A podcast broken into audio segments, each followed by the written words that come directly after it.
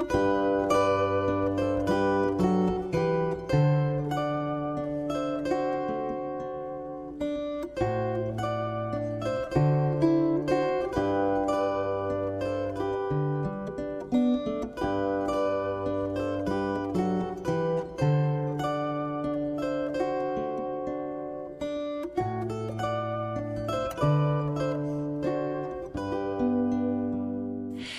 Dobar dan, lepo pozdravljeni in vabljeni k poslušanju odaje za naše kmetovalce.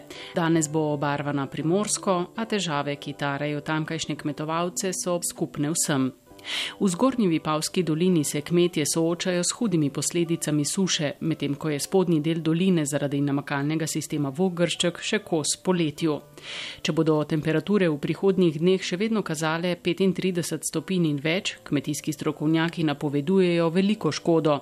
Najbolj so prizadete polščine, vrtnine in travniki. Pri koruzi je izpad 100 odstoten, kar pomeni milijonsko škodo. Vinska trta trenutno še prenaša takšne vremenske pogoje, vendar so jagode za tretjino drobnejše.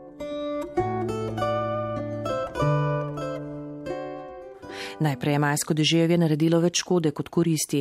Junija je na to nastopila vročina v kombinaciji z vetrom, ki še dodatno izsušuje zemljo. Zaskrbljena povera je kočaru iz kmetijsko-svetovalne službe v Ajdovščini. Ja, najbolj so bile prizadete trenutno, če grem po vrsti polščini. Vemo, da je bilo koruzo nemogoče sejati, nemogoče obdelati, nemogoče zaščititi s herbicidi normalno ko je začela po eh, koncu maja normalno rast, je nastopila suša in se je praktično vegetacija zaključila, tako da je koruza dosegla višino maksimalno nekje dober meter. Suša, ki se nadaljuje, praktično bo vplivala na to, da, da koruza ne bo svilala, ne bo nastavila zrnja in praktično bo brez storžev, kar pomeni 100% izpad pridelka. Pri koruzi je maj mesec povzročil eh, s preniskimi temperaturi zelo slabo polnjenje eh, gomoljev, tako da pridelki pri krompirjih so manjši vsaj za 50%, kar na celotni Vipavski dolini. Enako je prizadelo tudi vse vrtnine, travnike in druge polščine. No, obiskali smo enega sadjarja v Prvačini in enega vinogradnika v Dornbergu. Dejala sta, da trenutno tako na Breskvah kot na Trti še ne občutita teh vročinskih stresov. Ja, Breskve, jaz kolikor vem, so v celotni dolini praktično vse namakane, tako da tukaj o suši je nesmiselno govoriti, saj eh, brez namakanja je proizvodnjo breskev nemogoče niti zastaviti. Vinska trta pa je do zdaj nekako še prenašala. Vprašanje, kako bo pa zdaj v naslednjih dneh, če mogoče za ta vikend, ko se napoveduje padavine, ne bo nič padavin, sem prepričan, da bo tudi vinska trta zaključila oziroma zaustavila vegetacijo. Eh, jagode niso normalne debeline, so približno za 30% drobnejše v tem času, kot so bile v lanskem letu, recimo, ko smo imeli dobro letino vinske trte. Tako da pri trti, ukolikor bi bil pravočasno še en tak resen dež, da bo zmočil zemljo v globino, to pomeni vsaj 50 litrov na kvadratni meter, je še mogoče, da bo letina se nekako obdržala in popravila. Andreja Valič iz vasi Plače pri Ajdovščini in Jordan Cigoj iz Črnič sta nad pridelki obupala. Sred julija, ko imamo to bilje, vse zelenjave in od breka sadje, polščine in vse kaže zelo, zelo slabo, no, žalostno. Rečemo, štartalo je februar, je bil suh za, reka, za krompirjev. E, kasneje maj je zalival spet pretirano in nizke temperature, je prišel 20. junij, posmodilo, tako da krompir je bil drobiš, reka krvni preko za, za konzum, za hrano ljudi. Pomankanje voda, ne? to je največji problem. Tukaj pogledajmo, kakšna je koruza, suša nam bo uničila vse, nič ne moremo napraviti, samo gledamo v nebo. Imamo pa tle na koncu tega niva, je pa zadrževalnik vogršče, ki bi lahko namakali, pa sistem ne funkcionira. Ta naš severni krak pušča cel že nekaj 8 let, pa na vse strani smo to povedali, prosili naj se to popravi, pa od tega ni bilo nič. Ne. V spodnji Vipavski dolini, kjer namakalni sistem Vogršček deluje, pridelovalci brezkev ne čutijo posledic suše. Tudi vinogradnik Matjaš Berce iz Drage pri Dornbergu, ki ima v lasti približno 40 hektarjev vinogradov po vsej dolini, pove, da vročina na trti še ni povzročila posledic. Tako kot vsako leto je suša tudi letos v tem uh, letnem obdobju. In uh, trta zaenkrat še ne, ni potrebno namakanje trte, saj ne po ravnini, mogoče kje kakšni hriboviti tereni so bolj podvrženi lapor, ker je tudi stres močno viden na, na, na trti. Vendar trta bo to zaradi razvojne faze, ki je letos uh, izredno pozna, uh, nadoknadila, če le pridejo neke padavine v bližnji prihodnosti. Uh, kolikor bo pa suša trajala še cel mesec, bo sigurno velike posledice te suše, ki bo nastala, seveda. Je pa trta izredno odporna na sušu. Vemo, da ima eh, izredno globok koreninski sistem in da jo po vseh gričih sadimo po vseh uh, mogočih terenih. In jaz se ne bojim, uh, suša na nek način prinese tudi boljši pridelek, saj se grozdje najbrž lepše razvija, če, če doživi no malo stresa in no malo suše. Mi tukaj pod Romberškim poli, ki imamo izjemno globoka tla, uh, redko namakamo trto. Uh, se zgodi, če bi zdaj ta suša, zdaj, ki je začela, trajala še uh, dva tedna, bi najbrž šli tudi mi namakati. Kmetijski svetovalec Rajko Črv sicer vse čas opozarja, da bo Slovenija brez ustreznih namakalnih sistemov ne samo v Vipavski dolini, temveč po vsej Sloveniji v prihodnosti postala vedno bolj odvisna od uvoza hrane. Ja, jaz bi najprej spomnil na nekaj. Ne? Ko se peljemo v Italijo, vidimo, da so prav popolnoma vsi hektari zemlišč kmetijskih v Italiji namakani od koruze do vseh polščin in tako naprej. Uh, trenutno je Hrvaška v fazi izgradnje namakalnih sistemov, delajo po 30 tisoč hektarjev letno površin namakalnih sistemov, s tem, da država financira, da država investira in uspodbuja ljudi. In uh, pri nas pa gre ta postopek izredno počasi. V zadnjem petletnem obdobju se je izvedlo samo 2000 hektarjev, kar je izredno malo, glede na to, da bi morali v Sloveniji namakati vsaj 50 tisoč hektarjev kmetijskih zemljišč. In okolikor namakalnih sistemov ne bomo uredili, ne govorim samo za Vipavsko dolino, ampak celotno Slovenijo, bomo še bolj odvisni od uvoza hrane od druge. Kakšna je razlika med tistimi pridelovalci, ki imajo možnost namakanja in tistimi, ki nimajo, je torej očitna. Pridelke v gornjem delu Vipavske doline klesti suša, v spodnjem pa kmetje zaradi visokih temperatur nimajo tako velikih težav. Letošnje vreme tudi čebelarjem ni povšeči. Hitre vremenske spremembe, preniske in previsoke temperature, veliko dežja, veter in toča je le nekaj razlogov za to, da bo letošnji pridelek zelo slab. Sabrina Mulec se je pogovarjala s predsednikom Čebelarske zveze Antona Žnidržiča Primorske in Notranske in predsednikom Postojnskega čebelarskega društva Vladimirjem Fajdigo. Čeprav je leto čebelarsko ki se pravkar končuje za čebelarja, eh, manj ugodno, pravzaprav čebele niso zatajile, kot ne zatajijo nikoli. Njihova primarna vloga v ekosistemu je vloga opraševalca. O tem, kako dobro so svojo nalogo upravile, bodo zagotovo potrdili kmetje, sadjari in še drugi. Tukaj se sicer pojavlja dilema, glede na to, da je v zadnjem času čebelarstvo res postalo zelo popularno in da so ocene stroke, ki pravijo, da je pravzaprav Slovenija preobremenjena, govorim z medonosno oziroma gojeno čebelo. V Sloveniji imamo približno 200 tisoč čebeljih družin. Ocene so, da bi jih pokrajina kot takšna pravzaprav lahko tolerirala le 150 tisoč, torej striže nam tam približno za 50 tisoč čebeljih družin. Te družine se pač morajo nekje prehraniti, morajo pač najti hrano in seveda ta hrana se porazporedi na večje število čebeljih družin. Problem je med drugim tudi ta, da čebele niso seveda enakomerno porazdeljene po vsej Sloveniji.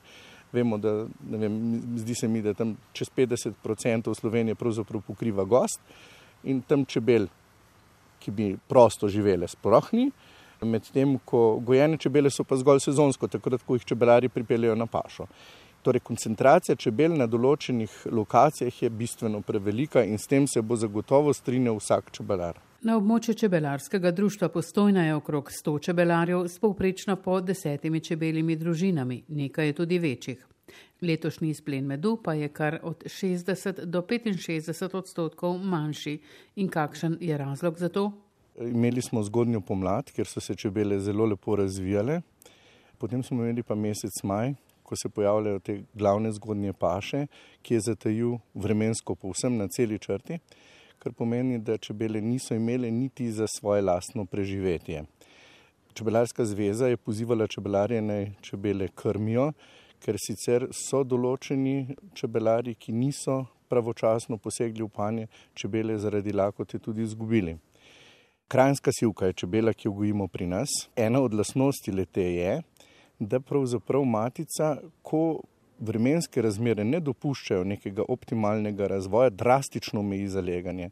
Posledično imamo v 40 dneh pozneje bistveno manjše število čebel, ki bi sicer lahko nabirale, se pravi nabiralk.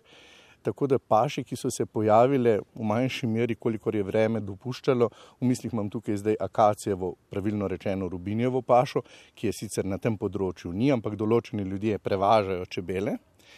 To pašo, pa potem lipovo in pašo na javru, pravzaprav ni imel kdo izkoristiti, ker so bile družine do te mere osiromašene s številom čebel nabiralk to bi bila pravzaprav razloga, da bo izpad zelo velik. Dejstvo je, da smo potem vsi čebelari upali še na gozdno medenje, ki pravzaprav v naših krajih, tukaj na notranjskem krasu, le redko kdaj zataji.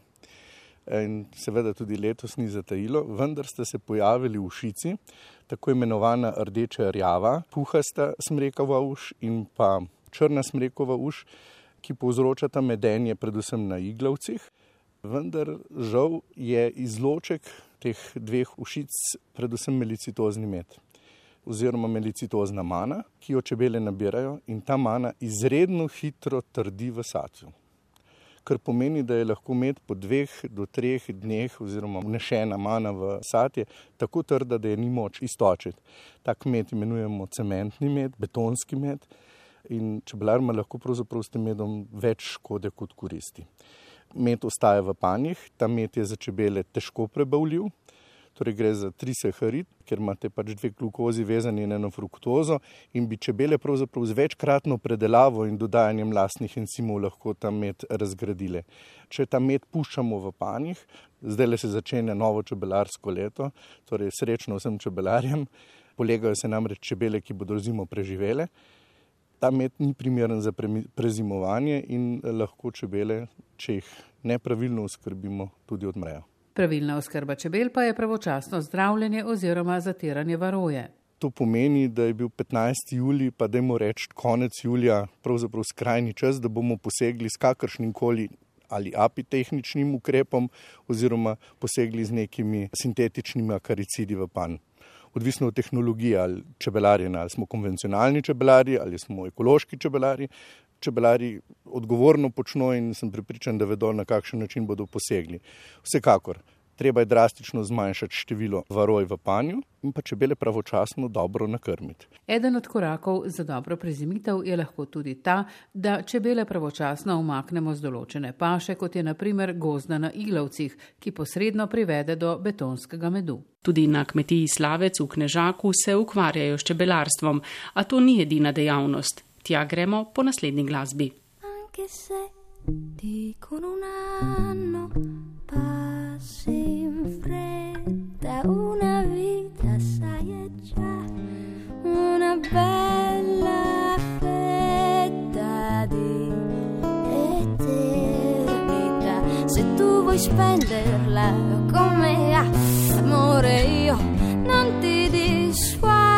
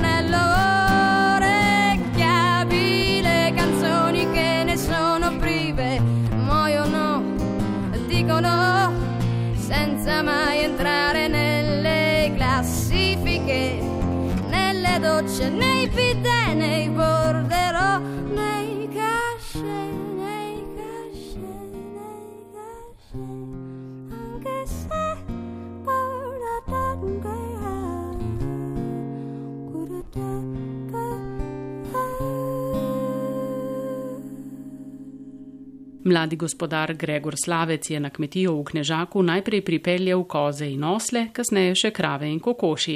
Pred tremi leti je zasadil prve maline. Razpršeno ponudbo narekuje razpršenost terena, obenem pa ponuja stalni vir dohodka in možnost preživetja.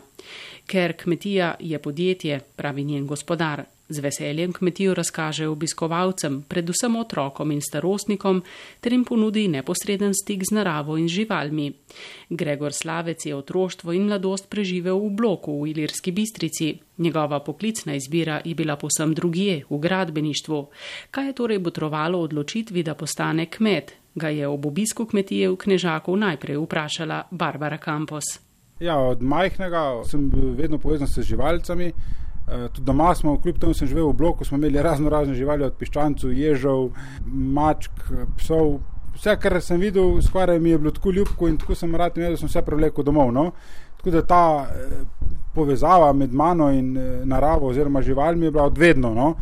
In tako je pač časoma tu preraslo tudi v idejo oziroma cilj, da bi tudi nekoč imel sam rad svojo kmetijo, kjer bi zrejal živali in konec koncev živel z njimi. No? In kdaj je ta odločitev pa prav dozorela, da bo to potem vaša pot? V bistvu ta odločitev je kot ne dozorela pri Nonotu, no, ker se je tako odločil, no, ker je videl v meni to prihodnost, to zagnanost, to mladost eh, in se je odločil, da bo predal to kmetijo naprej v upravljanje meni. In koliko let zdaj vi upravljate s to kmetijo? Zdaj je osmo leto, odkar intenzivno kmetujem na tej kmetiji. Pa vaš nono ni bil ravno zadovoljen na začetku, ko ste pripeljali sem prve koze. Ja, res je. Ja. Moja najljubša žival, taka domača, je koza in tudi se s kozami sem štartil. Prve tri živali so bile koze. No in ker je pa koza veljala še čase nazaj z žival revežov, ni bil nonolih najbolj navdušen nad temi kozami. No? Še manj pol, ker sem pripeljal še osličke, tako da od začetka nisva jih najdla skupnega jezika glede živali. No? S časom je videl to mojo ljubezen, oziroma prepoznal to mojo ljubezen do živali. In se je tudi sprijaznil tudi s kozami in osli. Prve tri koze so bile burske pasme, Se pravi, to so koze, ki so izredno mesni tip koz, se pravi, nima dosti mleka, oziroma mleka jih toliko, da odkojijo svoje kozličke. Pol pa časoma, ker sem pa se zaposlil na kmetiji, sem pa prešel na mlečni tip koz, se pravi, srnaste koze, zato ker tu je pa le vsakodnevno delo z njimi in konec koncev tudi prihodek dnevni od mleka. No? Zato ker jih dnevno mozamo, se pravi, dnevno umozamo nekaj mleka. To mleko nekaj prodamo sveže, nekaj pa še predelamo potem v jogurte, sir in skuto. Več ali manj bom rekel za svoje lastne domače potrebe, pa da pogostimo obiskovalce naše kmetije. No, zdaj za neko veliko prodajo se nismo še odločili, oziroma moramo tudi prej vzpostaviti eno sirarno in pač pravno formalne zadeve postaviti na noge, da lahko štartamo na trg. Sicer pa imamo potem še deset kravci, kaste pasme, ki jih imamo usmerjene v dojilje, se pravi, da jih ne mauzemo, ampak na samo teleta zredijo letno. Eh, potem imamo še štiri osličke, osličke imamo tudi v jahane, no, tako da naši obiskovalci, ki pridejo na kmetijo, lahko tudi tu podoživijo pač ježo oslov. Potem imamo še približno 81 kokoši nesenc, ki je tudi en dober vir dohodka naših kmetij, se pravi dnevno sveža jajca, pašne reje. In pa še čebele imamo, seveda 36 eh, družin čebel imamo, ene so v premičen čebelnjaku, eh, ene so pa zdaj v novem fiksnem čebelnjaku. Ob živalih ste se odločili tudi za to, da boste nasadili maline. Kako pa to, odkot ta ideja za maline? Ja, spet gre zahvala pa zasluga Nonotu.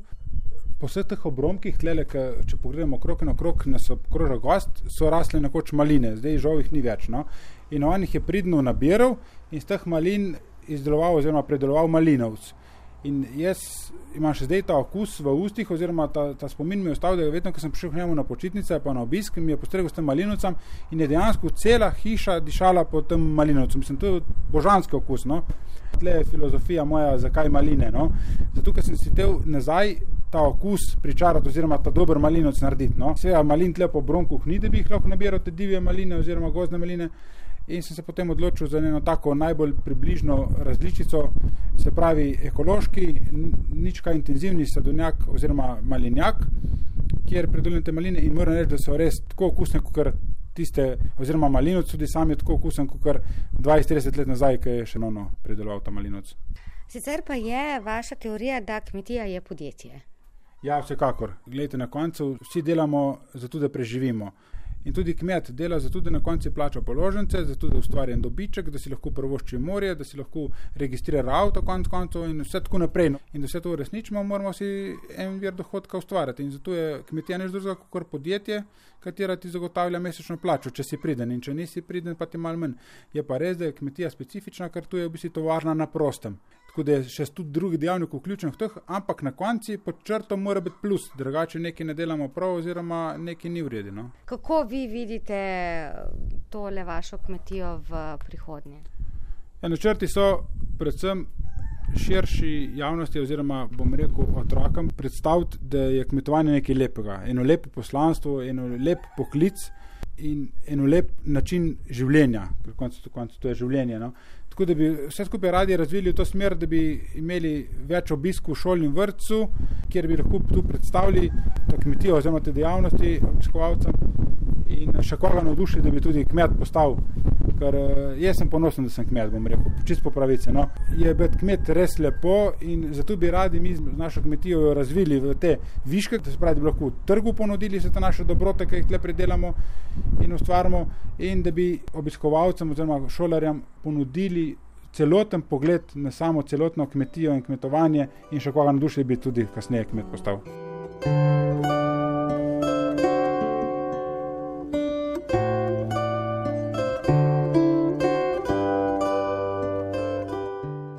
Ministrica za kmetijstvo Aleksandra Pivec je pred kratkim na povabilo briških sadjarjev obiskala Goriška brda. Pri pridelavi in prodaji sadja se namreč brici zadnje leta soočajo s številnimi težavami, ki jim niso več kos. Med drugim se sprašujejo, kako bi pred preprodajalci zaščitili blagovno znamko briškega sadja, zakaj na italijanski strani lahko uporabljajo fitofarmacevtska sredstva, ki so učinkovita, v Sloveniji pa sploh niso registrirana in kako se boriti proti držju in toči pomoči, ki zmanjšujeta pridelek. Nekaj odgovorov je slišala Nataša Uršič. Sadjarji so ministrici predstavili le največje težave, s katerimi se soočajo. Tudi zato, ker jih pristojni ne rešujejo učinkovito, se delež sadjarskih površin na primorskem in po vsej Sloveniji zmanjšuje iz leta v leto. Vzrokov je več, pove direktor Kmetijsko-gozdarskega zavoda Nova Gorica Branimir Radikon. Tukaj je več vzrokov. Eden izmed teh je seveda urejanje namakalnih sistemov, ker vemo, da so še zmeraj to problem. Druga zadeva so seveda mogoče nekoliko preniske podpore za investicije v sadovnjake ne, in tudi mogoče za kompliciranejši sistem za uvajanje podpor. Tako da ministrico smo upozorili, da mora na tem področju nekaj več narediti, eh, sicer nam sadjarstvo na primorskem kar drastično upada. To, kot sem že omenil, v naši drevesnici v Biljah nekaj proizvedemo okrog 100 tisoč sadik in vsako leto nekako imamo večje težave s tem, da bi te sadike tudi prodali in tudi žal manjši del kupcev so kmetje. Težave briških sadjarjev je ministrici predstavil predsednik briškega združenja sadjarjev Radovan Jelina. Povedal je, da jih pri uporabi fitofarmacevskih sredstev čudi, da čez mejo v Italiji uspešno zatirajo vinsko plodovo mušico s pripravki, ki so v Sloveniji prepovedani. Zdaj eh, mi smo podali predlog, kar se tiče teh FFS-jev, namreč problem je tukaj v conah. Eh, mi nismo v isti coni kot Italija, se pravi, smo omejeni z določenimi FFS-ji, nekje mi jih imamo, oni jih nimajo, oni jih imajo, mi jih nimamo. In eh, problem je tukaj. Predlagali smo, da se bi te cone spremenile, ampak to je na Evropski uniji, to mora zasedati Evropski parlament in bo kar težka.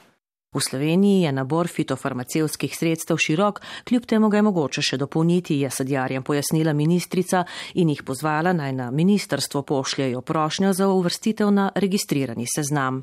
Torej, tukaj smo fleksibilni in vekolikor obstajajo predloge, da so kakšne fitofarmacevske sredstva, ki vendar bi veljalo tudi v Sloveniji registrirati, seveda bomo to naredili, vekolikor bomo za to dobili prošnje. Radovan in Teja Jelina skupaj upravljata kmetijo na Humu. Številni kupci ne verjamejo, da je njuno sadje briško, je povedala Teja Jelina. Torej, na tržnici se moramo skozi dokazovati, prepričevati ljudi, da je to naše sadje, briško sadje. In kaj se recimo dve leti nazaj je bila ta reportaža iz Trsta?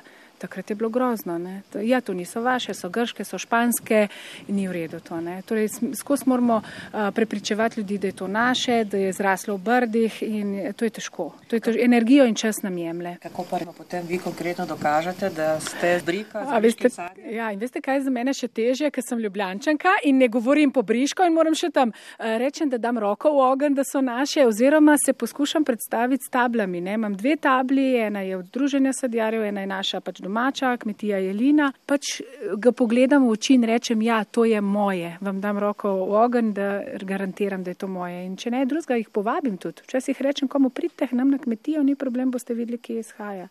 Pivčeva je pojasnila, da pripravljajo posebno izotopsko analizo, s pomočjo katere bodo inšpektori na licu mesta ugotovili izvor sadja. Predvsem gre seveda za to, da poskušamo v tem trenutku dobiti čim več metod, ki bi resnično, konkretno govorimo o izotopskih analizah, ki bi konkretno tudi na licu mesta lahko povzročili in dali seveda rezultate, tudi takšne, ki so verodostojni potem za razne sodne procese, odkje dejansko sadje e, izvira. Se pravi, na osnovi analize direktno na sadjo in primerne metode ugotoviti izvor porekla tega, kajti pogosto je problem, Eh, ker tudi do papirjev je težko priti in na koncu eh, je težko ugotoviti, še teže pa dokazovati, da to sadje je res prihaja iz enih drugih eh, okolij.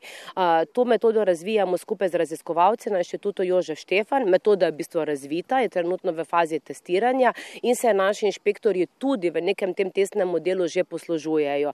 Jaz verjamem in upam, da bo čim prej na voljo tudi za redno uporabo, do takrat pa seveda velja poostriti inšpekcijske nadzore, tako inšpekcijske inšpekcije kmetijske, kot tudi uprave za varno hrano in seveda z primernimi eh, sankcijami tudi eh, kaznovati eh, različne zlorabe. Sadjarje je letos prizadelo tudi močno deževje, toča in posledično gnitje.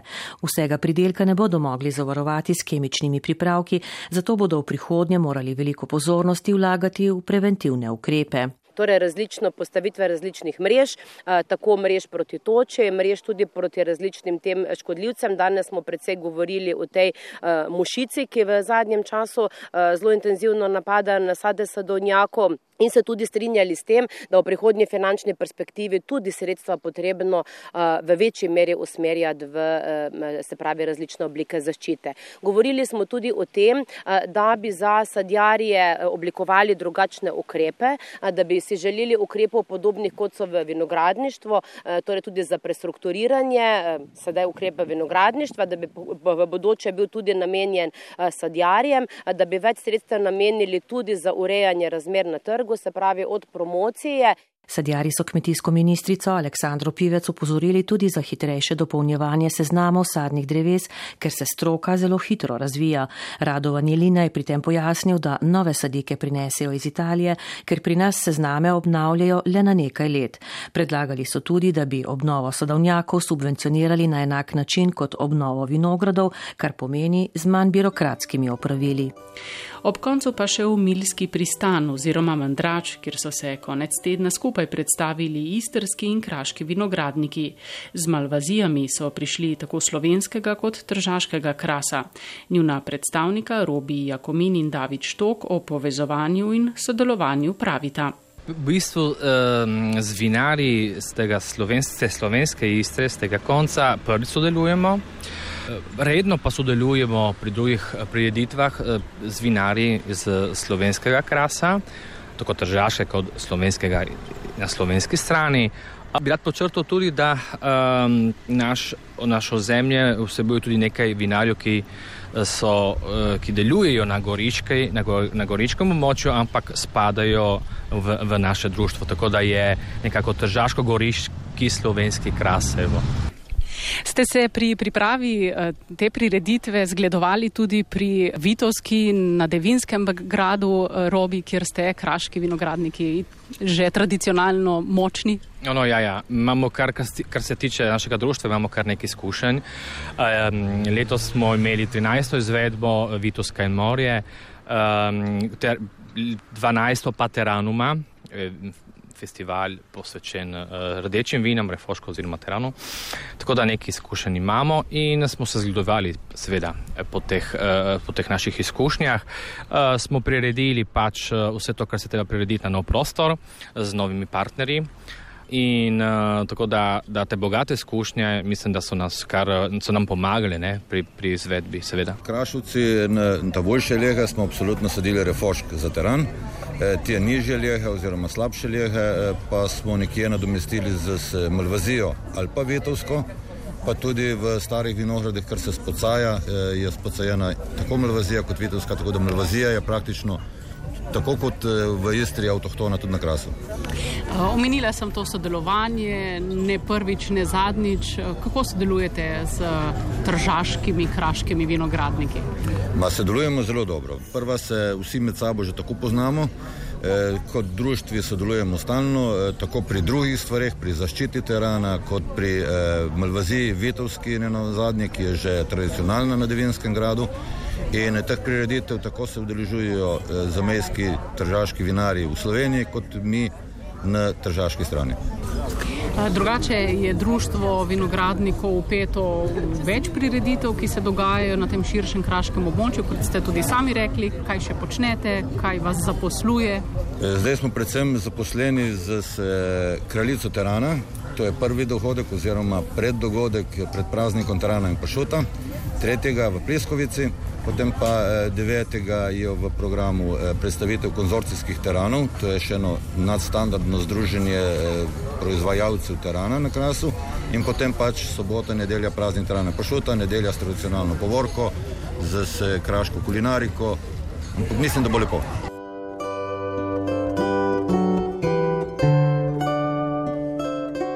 Mirno nedeljo vsem želimo Nataša Uršič, Barbara Kampos, Sabrina Mulec in Tjaša Škamperle, ki smo pripravili odajo za naše kmetovalce.